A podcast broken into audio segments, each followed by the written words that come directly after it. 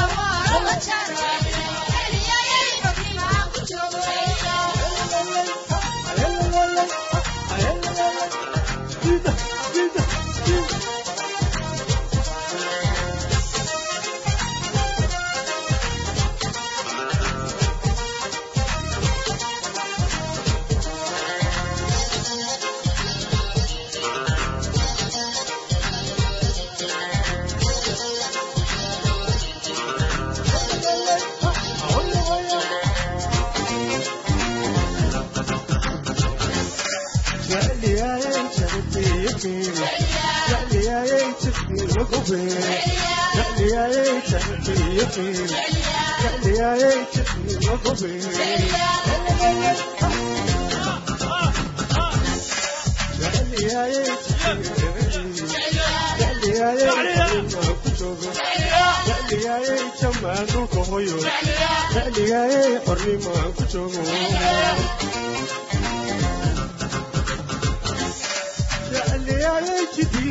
تعلياي دنان والهجان تعلياي جدي وقشان تعلياي هركي صلجان تعلياي جدي وقشان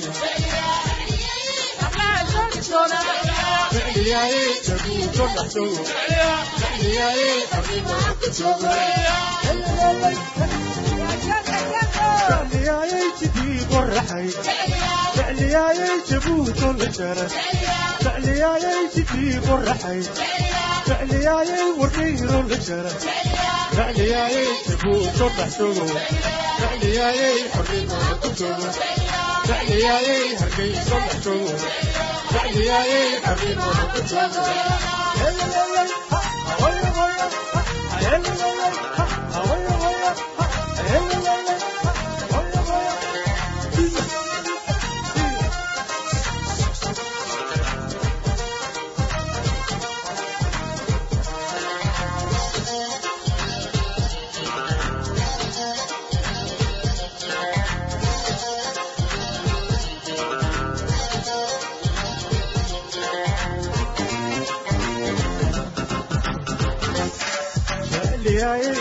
rasuulka hooyo dhadhigaayey xornimo aan ku joogo dhadhigaayey jam rasuulka hooyo dhadhigaayey xornimo aan ku joogo dhadhigaayey jam rasuulka hooyo dhadhigaayey xornimo aan ku joogo dhadhigaayey jam rasuulka hooyo dhadhigaayey xornimo aan ku joogo jecliyaaye jijiga dhagaxuun jecliyaaye hargeyso la jaro jecliyaaye jijiga dhagaxuun jecliyaaye laasxano dhexdood jecliyaaye jecliyaaye xornimaa ku joogo jecliyaaye jamaaduulka hoyo jecliyaaye xornimaa ku joogo jecliyaaye jijiga dhagaxuun jecliyaaye hargeyso la jaro jecliyaaye jidii qoraxay jecliyaaye wadhiiro la jaro jecliyaaye jamaaduulka hoyo jecliyaaye xornimaa ku joogo jecliyaaye jamaaduulka joogo hoyo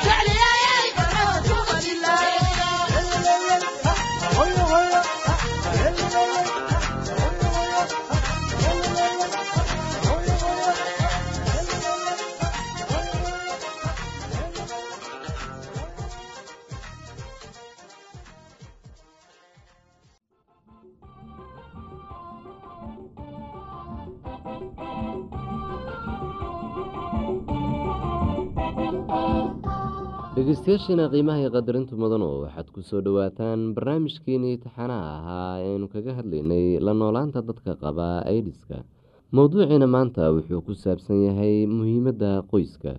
Qoysyadu muhiimad weyn bay u leeyihiin dadka qaba h i v-ga ama aidiska guriga qoysku wuxuu ahaan karaa hoy meel dadka ku nasan karo iyagoo aaminsan in la jecel yahay lana ogol yahay meel geesi inay ahaadaan ama ay qariyaan dareenkooda. Haddii qofka qoyskaaga ka mid ah uu qabo h i v ama idis siyaabo badan ayaad ugu gargaari kartaa. Waxaad ugu gargaari kartaa inay nastaan adigoo u fulinaya shaqadooda guriga. Waxaad ugu gargaari kartaa adigoo siinaya cunto nafaqo leh uguna soo adeegaya suuqa una karinaya waxaad ugu gargaari kartaa inaad ka baabi'iso cabsidooda adigoo u muujinaya kalgacayl. Haddii h i v ama idisku aada qabto waxaa wanaagsan in qoyskaagu ogyahay waayo waxay ku siin karaan kalgacayl iyo taageero. Mustaqbalkaaga ayaad qorshe u sameyn kartaa waxay kula qeybsan karaan culayska ka haysta dhanka dhaqaalaha aada bay kuugu fududaan doontaa haddaadan qarin marxaladaada haddii qof ka mid ah qoyskaaga uu qabo idis waxaad kartaa inaad raashin iyo biyo u soo qaadid inaad dharka iyo go-yada ka dhaqdo iyo inaad karkaarisid. Xasuuso haddaad qabtid h i v ama idis waxaad adeegsan kartaa aqoontaada oo dadka kale ayaad ugu gargaari kartaa waxaa qoyskaaga bari kartaa siduu u faafo idiska waxaad ugu gargaari kartaa siday ugu digtoonaan lahaayeen h i v-ga tani waa gacan ka geysashada ugu kalgacayl weyn oo aada sameyn karto.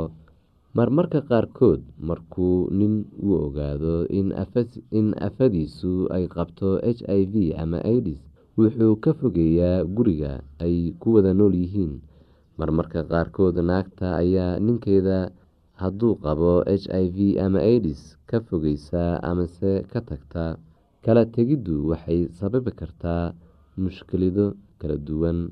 Shaki kuma jiro in caruurtoodu ay dhibaatoobayaan. Caruurta waxay waalidkood ugu baahan yihiin kalgacayl iyo hogaamin.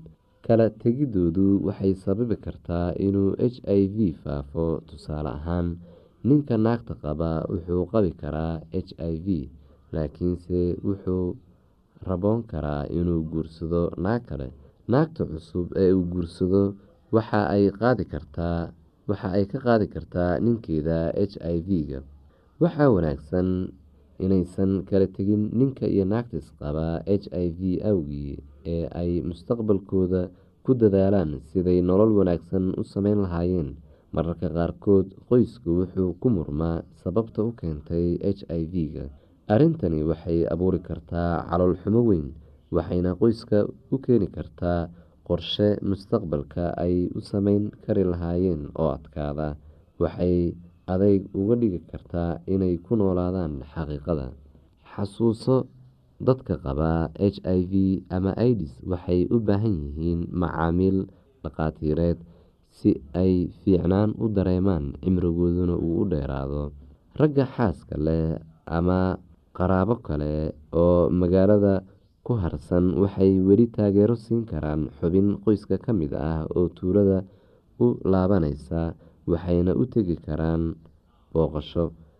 Haddii naag la qabo ay dib ugu soo noqoto tuulada waxay horey u qaadan kartaa waxyaabaha ay leedahay oo ay ku iibsatay lacagteeda xaq bayna u leedahay inay haysato waxyaabaha ay leedahay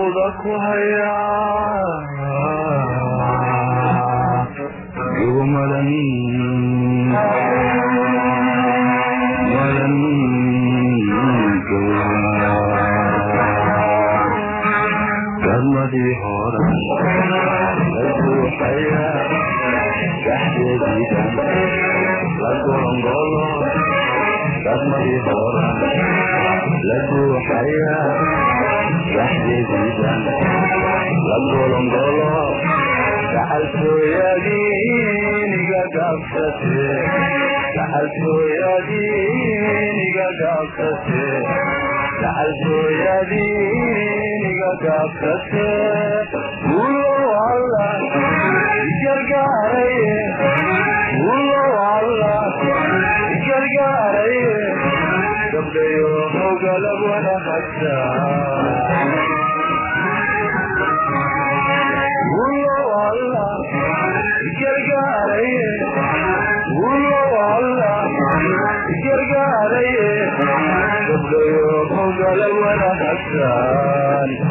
hoy gabte wagadiye ay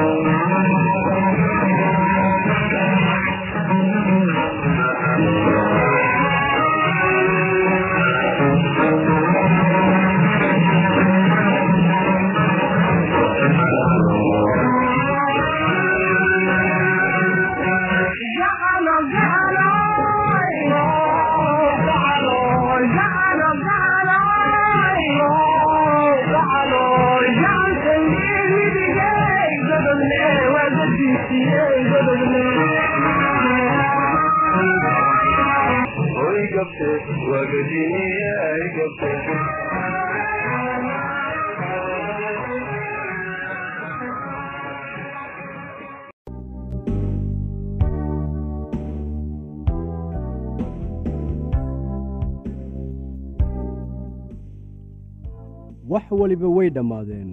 Qofkii aad wada joogteen maanta waxa uu doonayaa inuu qof kale la joogo.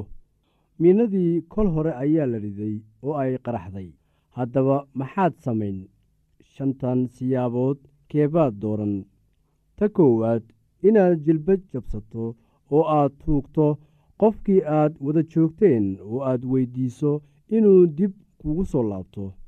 Ta labaad inaad ballanqaadyo culculus samaysid oo aad u sheegtid qofka kale inaad noqonaysid sida uu kaa doonayo waxa aad ballan ku qaadaysaa inaad isbeddelaysid. Ama tan saddexaad waxaad iska dhigaysaa mid murugsan oo waad ilmaynaysaa si uu markaasi uu qofku kugu naxariisto. Haddii ay taasi shaqayn weyso malaha markan waad baruuran oo oohin la ajligeed ayaa wejigaaga ku bararayaa laga yaabaa fikraddan afaraad inuu shaqeeyo haddii ay kuwii kale shaqayn waayeen waxa aad ku dhaaranaysaa inaad dabaq fuuli doonto oo aad halkaas iska soo tuuri doonto si aad u dhimato maadaama aanad haddeer nolosha qiimo u arkin. Kuuma muuqato wax faa'iido ah oo aad u sii noolaatid. Bal eeg fikraddan shanaad. Uga mahadnaq qofkii aad wada joogteen wakhtigii aad wada qaybsateen ka dibna kala dhaqaaqa oo mid waliba guri gaar ah ha ku noolaado. Aalaa qofka la furay marka waxa uu dareemayaa xanuun oo caro la ajligeed ayaa waxa uu u horarayaa qofkii kale. Waxa uu sidaa u samaynayaa inuu ishilmaansiiyo xanuunka furitaanka adiga laftaada waxaa dhici karta inaad andacootid oo aad qofkii caysid oo aad tustid sida uu xayawaan ama nacas u ahaa markii ugu horraysay ee aad wada kulmayseen iyo siday u wanaagsanaan lahayd haddii aad iska furi lahayd waa hore. Waxaa jira wax qalbiga qofka ku jira laakiin marnaba uusan afka ka odhanaynin laakiin waxa uu ku haysanayaa maskaxda waxa uu is odhan karaa isaga weeye midka aan i doonaynin laakiin aniga weli waan doonayaa. Marka warku ku saabsan waxa aad adigu tahay faafo cid ku rabaysa ma jirto. Maadaama aad aniga i diidday waxa aan isku taxallujinayaa inaan arko adiguna inaanay cid ku rabin. Mararka qaar ka aargoosashada noocan ah ayaa waxa ay u dhacdaa si cad oo weerar ah markii uu cumar furay sacdiya waxay ku tidhi isaga iyada oo qaylinaysa inaad sidan samayn weligay waan ogaa. Markii hore ayaan qalad sameeyey maba ahayn inaan ku guursado. Inaad qofka waxyeelaysaad jeceshahay sow ma ahan. Marar badan ayaad ii waxyeelaysay oo aan xitaa tiradoodu xusuusan laakiin marka aad ii dhammaysay wax walbaan ku siiyey oo wax walbaan kuu sameeyey. Bal haddana fiiri sidaad iila dhaqmaysid. Allah haddii aan sidaan ogaan lahaa markii horeba weligaa iima aad roonayn. Mararka qaar marka dareenka xiriirku kor ahaa qofka doonaya furniinka waxa uu ka helayaa qofkii kale jawaab ku salaysan goodin wax isdabamarin iyo xitaa dagaal. Hanjabaad ku saabsan inaad qofka sirtiisa sheegaysid ama aad daraag isticmaalid ku kici doontid ama aad isdili doontid ama waxaad odhan jumladooyin ad adag adiga oo doonaya inaad qofkaasi ku dheganaatid. Mararka qaar qofka la diiday wakhti yarba ha ahaatee waxa uu ku cararayaa inuu xiriir cusub la yeesho qof cusub si uu u soo gudo jacaylkii ka lumay iska ilaali inaad qof jeclaatid isla markii lagu furo. Xusuuso haddeer wax waliba oo aad samaysid adiga ayay dushaada tahay waxaana laga yaabaa inaad ku degdegtid xiriirkan. Maxaa wacay? Waxaad doonaysaa inaad buuxisid meeshii bannaanayd. Jacaylka noocaas ah kadib furniinka allah waa mid been ah oo muddo yar gudaheeda ku soo gebagabooba haddii aad ka naxaysid oo aad weli xurmo u haysid qofka bilaabay furniinka waxaa wanaagsan inaad qofkaasi wakhti siiso furniinka dabadii si uu uga fikiro oo bal u eego inuu wax qalad ah sameeyey intii aad xiriir cusub bilaabi lahayd. Wakhti ku filan c oo ka bixi shakiga ku jira maskaxdiisa ama maskaxdeeda. Markaan isku day inaad wax wanaajisid waxa aad qofka kale u sheegtaa in isbarashadii aad isbarateen runtii ay aad ugu wanaagsanayd oo aanad fahamsanayn sababta ay u dhammaatay laakiin haddii ay sidaa dhacday aad u rajaynaysid farxad kaamil ah. U xaqiiji qofka inaad weligaa saaxiib la ahaanaysid. Markii wax waliba la yidhaahdo oo la sameeyo aqbal xaaladda oo u isticmaal sida kugu wanaagsan intii aad isku baabi'in lahayd. Dhegeystayaal ku soo dhowaada idaacaddeenna oo aad xiliyadan oo kale hawada inaga dhegeysan jirteen. Anigoo ah cabdi maxamed waxaan idin leeyahay dhegeysi suuban waxaad barnaamijyadeen maanta ku maqli doontaan heesa iyo waxbarasho caafimaad iyo nolosha qoyska haddii aad qabto wax su'aalaha fadlan inala soo xiriir. Ciwaankeenna waa radio somaly at yahu dt com. Mar labaad ciwaankeenna waa radio somaly at yahu dt com